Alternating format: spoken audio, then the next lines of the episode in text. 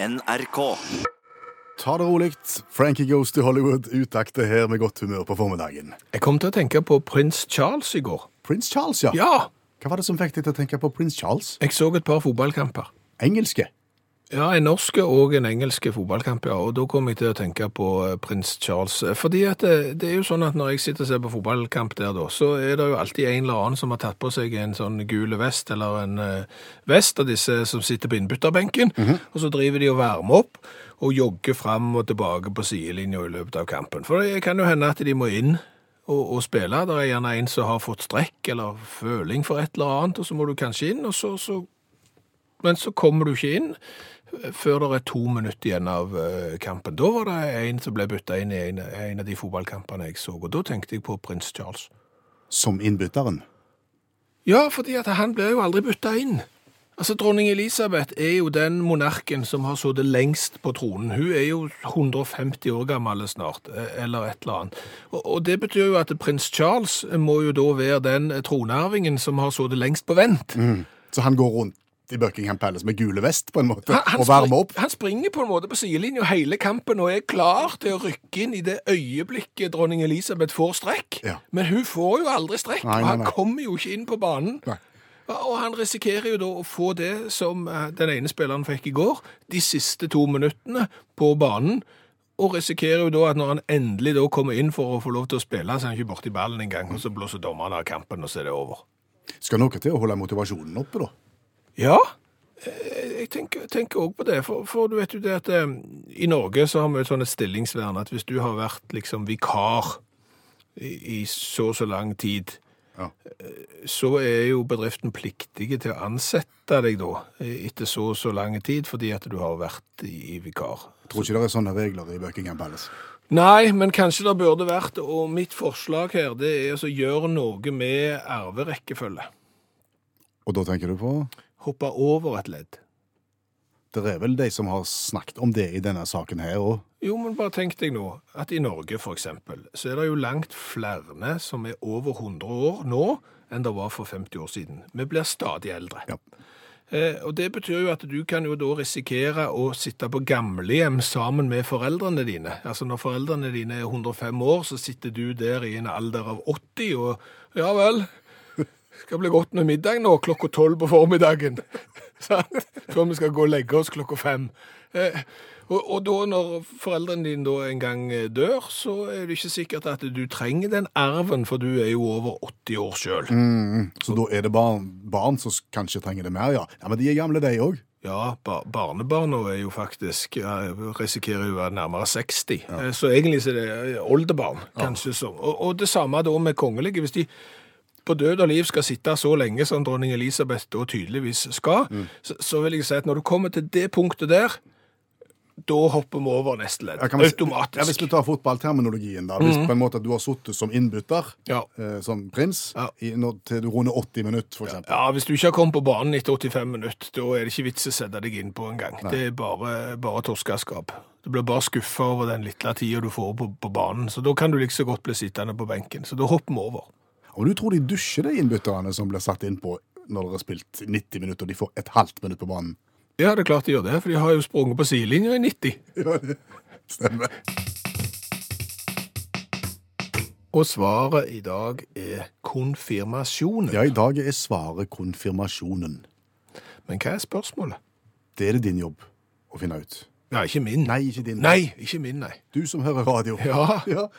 Det er det som er konkurransekonseptet i Utakt. Vi gir deg et svar. Du må finne spørsmålet, og det beste spørsmålet blir premiert med Utakt sin T-skjorte med V-hals. Og i dag er altså svaret konfirmasjonen. Og hva kan være et godt spørsmål til konfirmasjonen som svar? Det kan jo være mangt. Det kan, vi kan lære noe om konfirmasjonen. Vi kan bli underholdt av et godt konfirmasjonsspørsmål. Noen har gjerne erfaringer med både å arrangere og egne konfirmasjoner osv. Så, videre. så dette blir interessant. Ja, dette er et svar som rommer mange spørsmål. Ja, Ja. Så eh, det er to måter å stille ditt spørsmål på. Det er SMS til 1987, start meldinga med utakt, koster ei krone. Så har du gratisvarianten som heter Facebook. Der har vi oppretta en tråd. Hvis du ser to eh, bilder av to yndige konfirmanter, så er det oss to. Eh, Det er på en måte overskriften for den tråden, og under der kan du føre på spørsmålet ditt. Der er det mange som har stilt spørsmål allerede. Ja, og der er konfirmasjonsbildet fra 1985. Ja.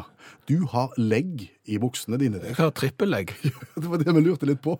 Hva, hva er vitsen i legg, og hvorfor hadde du tre?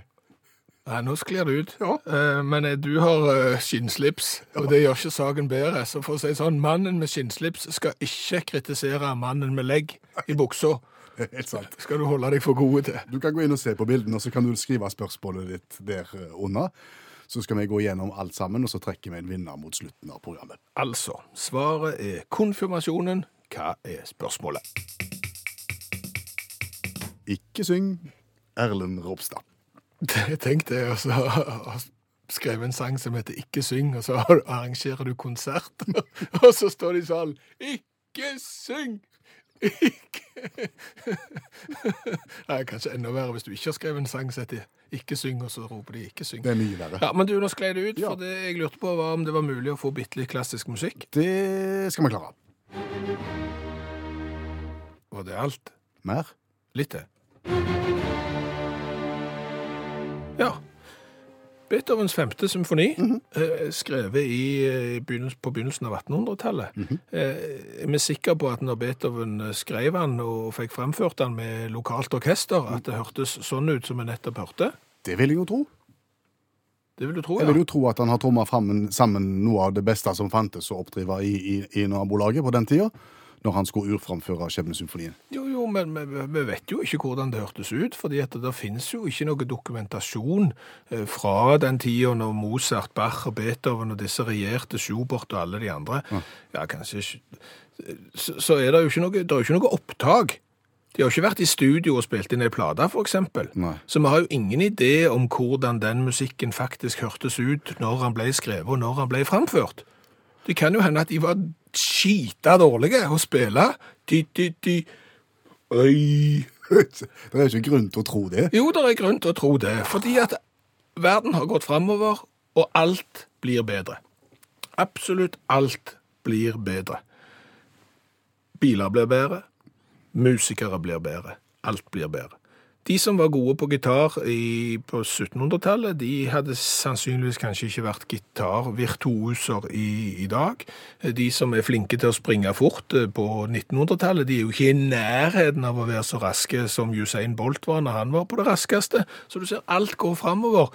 Musikken, musikkskoler, alt tilsier at de som spiller Skjebnesymfonien i dag, gjør det mye bedre enn de som spilte den når han ble skrevet. Ja, men altså, nå, hadde, nå satte de jo med, med notene, altså mesterverket som Beethoven hadde skrevet, så på en måte utgangspunktet var jo det samme her. Ja, Utgangspunktet er jo for så vidt det samme, men da vil jeg gjerne få lov til å spille et lite musikkeksempel av et orkester som spiller med noter. Bare hør på dette.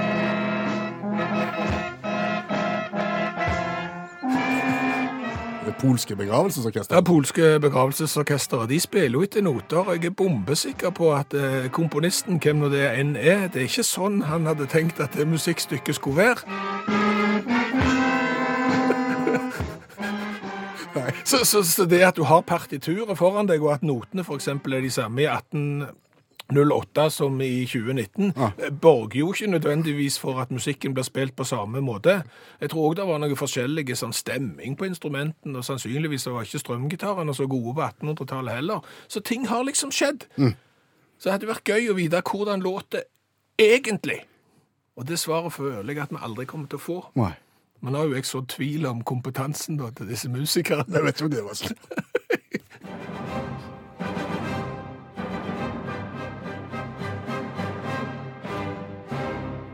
Du, en eh, melding fra Skal vi se her, nå skal vi åpne, og så skal vi finne ut at eh, Harald har sendt oss en melding, et spørsmål. Han skriver Se for deg du møter en nabo på busstoppet, eller eh, en bekjent i køen der du handler mat.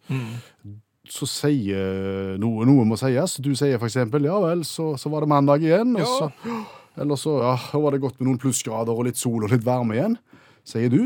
Eh, og det mange da svarer med, er et slags eh, bekreftende svar. uh, eksempel ja, og så en masse latter.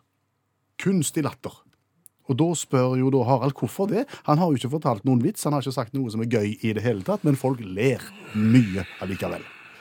Ja, jeg kjenner meg egentlig ikke igjen, for jeg ler jo Nei, Jeg smiler jo sjelden òg, jeg. du er ikke en av de, men du har nok møtt på de, Ja, vil jeg jo tro. ja, ja, jeg kjenner igjen situasjonen. Ja, og språkforsker Bjørn Olav Skjæveland i radioprogrammet Utakt. Hva tenker du er årsaken til at vi besvarer et helt vanlig spørsmål eller et utsagn om været med latter? Ja. Jeg tror det er en forsvarsmekanisme. En forsvarsmekanisme? Ja, det tror jeg. Eh, Fordi at eh, hvis du tar den der kunstige latteren etter Ja vel, har fått deg ny bil, eh, så, så er det sånn at det er gjerne da en person som du ikke treffer så fryktelig ofte. Så du har egentlig ikke så mye å snakke om. Og ved å hive på en litt sånn falske, joviale latter Ja, men Det er jo ikke du som hiver på latteren, det er altså- motparten ja, som ja, gjør men altså når du svarer da, sant, og hiver på en litt sånn en eh, jovial, falske latter, så kjøper du deg tid. Å, er det det du gjør? Ja, Oh, ja. eh, Du, du unngår å si noe annet. Du kan liksom, ja, nå lo du, sant, merker du. Så plutselig så får du noen sekunder der til å tenke deg om hvor skal vi nå ta dette her videre, for vi har jo strengt tatt ingenting å snakke om. Og tror du mengden av latter er, er proporsjonal med på en måte lengden siden sist du traff vedkommende? Altså forhold, altså, ja.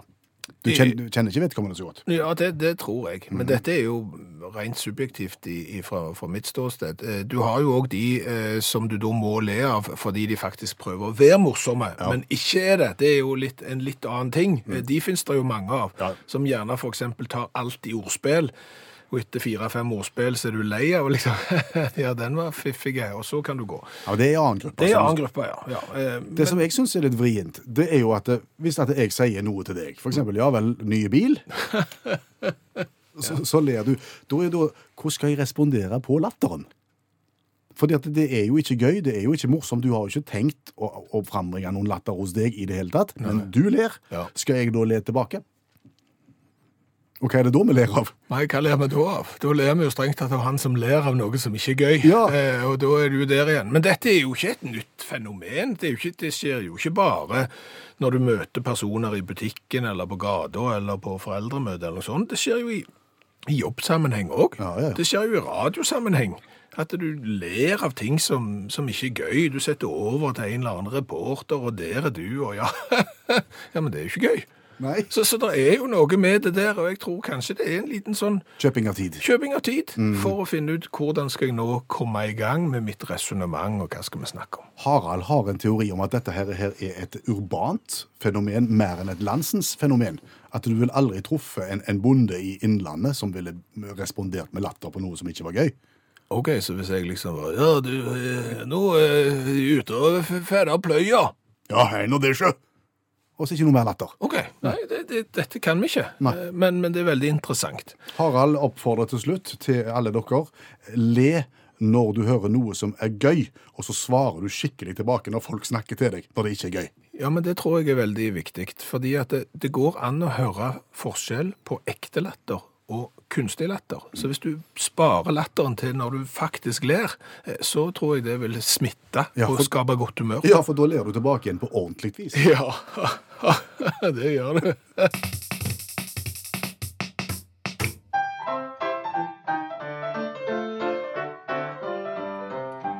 En annen dans. Ja, en uh, revyvise der vi kommenterer nyhetsbildet fra et eller annet sted i verden ved hjelp av en 27 sekund lang sang. Og for aller, aller første gang, vi har vel lagt et par hundre revyviser, vil jeg anta, så skal jeg ikke synge. Nei, noen, Nei. noen andre som skal synge? Nei, det er ingen som skal synge. Jeg har lagt eh, et helt eh, alternativt lydbilde til dagens revyvise. Revyvise uten tekst? Ja!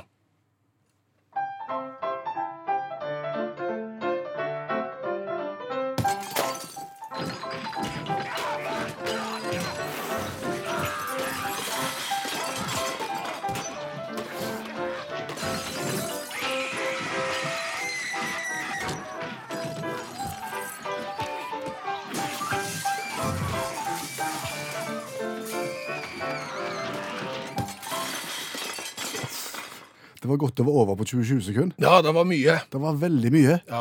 Det var på en måte akkurat som det var filmmusikk. Ja, eh, litt sånn, ja. Men det vi skal til, er rett og slett vi skal til Kina i dag. Vi skal til Beijing, eh, for der har eh, det første såkalte sinnerommet åpna. Ja.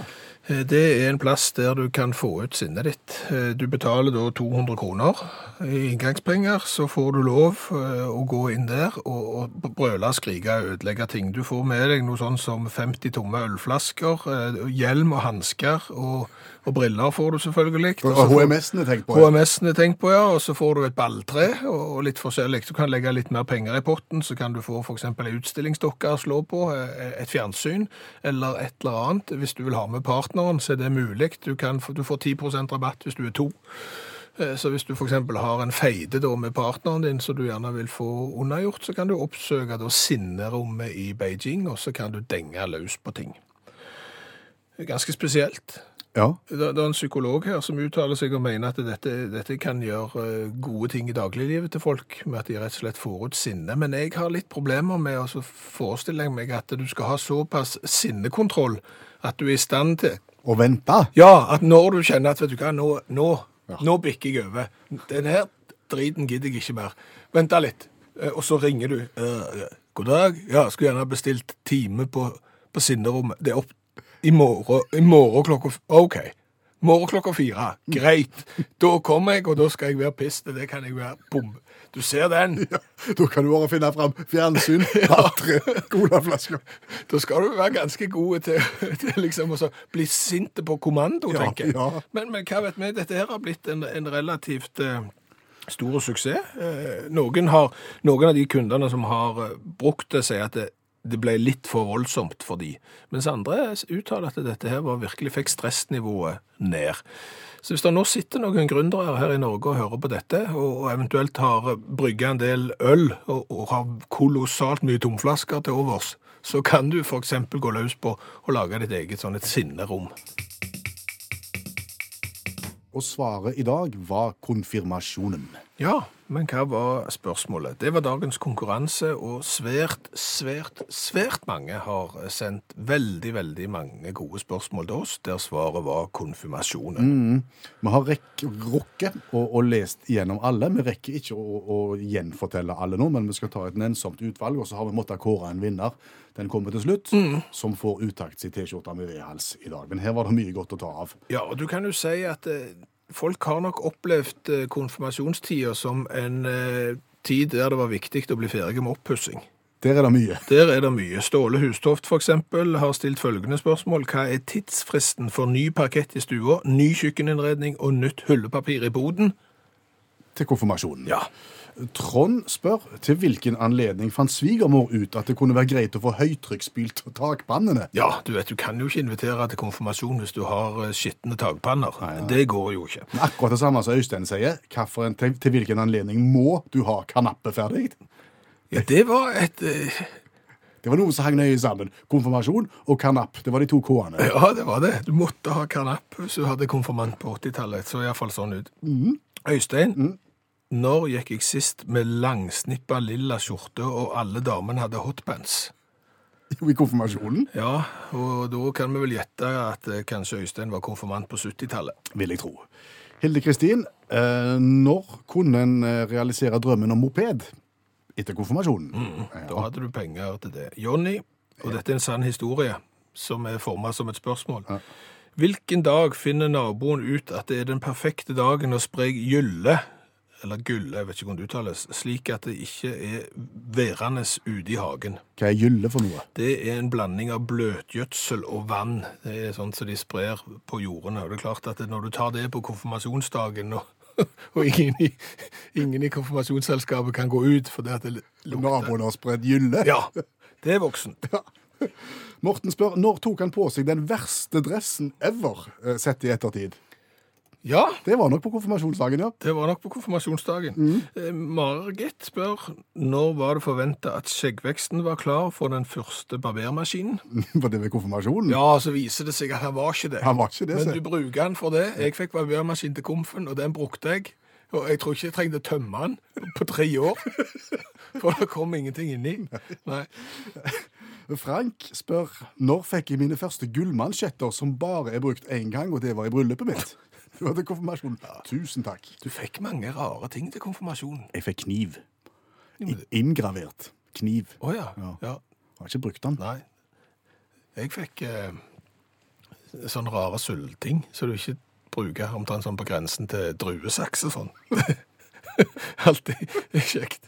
Eh, Kjartan spør, hva feirte jeg to ganger i 1990? To ganger. Ja, jeg tror Kjartan er tvilling. Å ja, konfirmasjonen. Viktig for å spre det ut. Annelise, når ser du annerledes ut enn noen gang ellers i livet? Det er et godt spørsmål. Ja. Det er ved konfirmasjonen. Knut stiller et spørsmål her som jeg vet du kjenner deg igjen i. Til hvilken hendelse i mitt liv måtte presten skrive om sin tale natta før etter at Bobby Socks vant den internasjonale Melodi Grand Prix? Det var til konfirmasjonen, og da er jeg og Knut nøyaktig like gamle. Fordi at til min konfirmasjon også, så måtte presten skrive om eh, talen sin for Bobby Socks vant den kvelden før. Ja, begynte med La det svinge. La det rock'n'roll, sa han. Ja. Wenche spør hva er vårens dyreste eventyr? Mhm, det er konfirmasjonen. Nå må vi kåre en vinner. Ja. Og blant mange, mange, mange så har vi plukket ut Nalinda. Hun spør i hvilken forbindelse kom jeg hjem med ny permanent, og søstera mi sa at jeg så ut som Per Inge Torkelsen. Jeg begynte å grine og prøvde å dra ut krøllene. Til konfirmasjonen.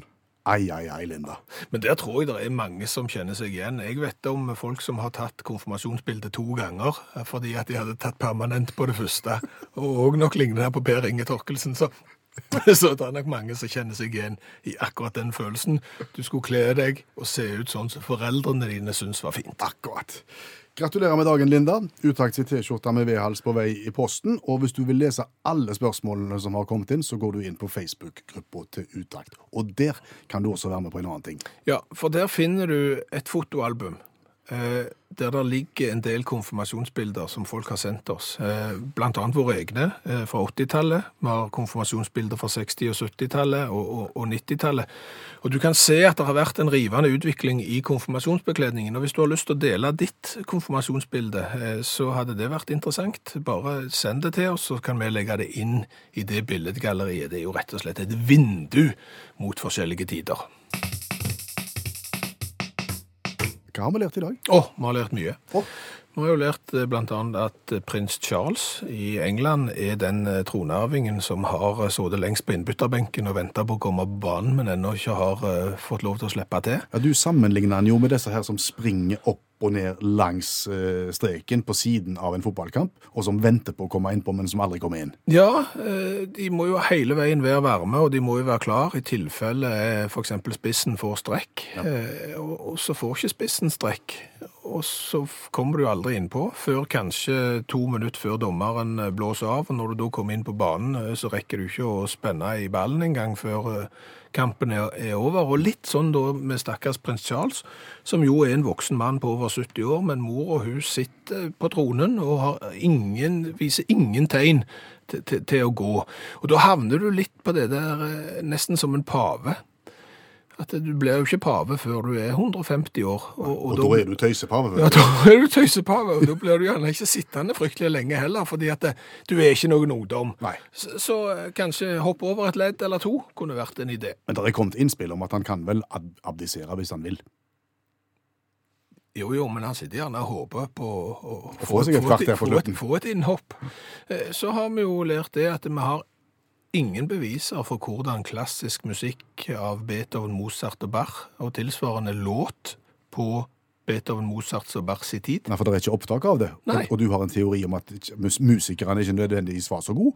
Jeg tipper jo det at eksempel fiolinistene ikke hadde gått på musikkskolen siden de var fem år, og at de på cello og sånn gjerne ikke var så gode på cello som de som er gode på cello nå. Så det kan jo godt hende at eh, når Beethovens femte ble urframført, så låt det skikkelig drit. Da var det flaks for han at han hørte litt seint. Ja, det, det kan du trygt si. Eh, Så har vi lært litt om umotivert latter. Ja, det som gjerne da skjer når du møter noen i butikken, og så sier du 'Hei sann, hvordan går det?' 'Det går bra'. og så svarer de med latter uten at det er sagt noe gøy. Ja. Vi vet ikke helt hvorfor. Vi har lansert en teori om at det kanskje er en forsvarsmekanisme, en måte å kjøpe seg 10-15 sekunder til å få tenkt seg om hva skal vi egentlig snakke om med dette mennesket som jeg knapt kjenner. Eh, Så har vi lært det at Beijing i Kina har fått sitt eh, første sinnerom. Yes, Der du kan leie deg plass og knuse ting. Eh, dersom du trenger å få ut litt aggresjon. Ja, det som jo er litt rart, er at når du kjenner at sinnet kommer, så må du jo da komme deg til dette sinnerommet for å liksom få utløst denne aggresjonen, og da kan det jo kanskje hende at for de aller fleste vil det være for sent, men dette vet vi ingenting om. Ellers har vi også lært det, at konfirmasjon, det er ei fenghette for oppussing. Ei fenghette. Ja, fenghetta det er jo sånn som gjør at dynamitten eh, sprenger, at eksplosivene går i lufta. Og, og konfirmasjonen, når den er rett rundt hjørnet, da skal alle på død og liv eh, få puste ned parketten, få malt opp rustningspanelet, få satt på kanappvinduet sitt. Da er det viktig. Og den historien om hun som måtte høytrykksspyle takpannene på huset fordi at det var konfirmasjon, forteller vel litt. Hør flere podkaster på nrk.no podkast.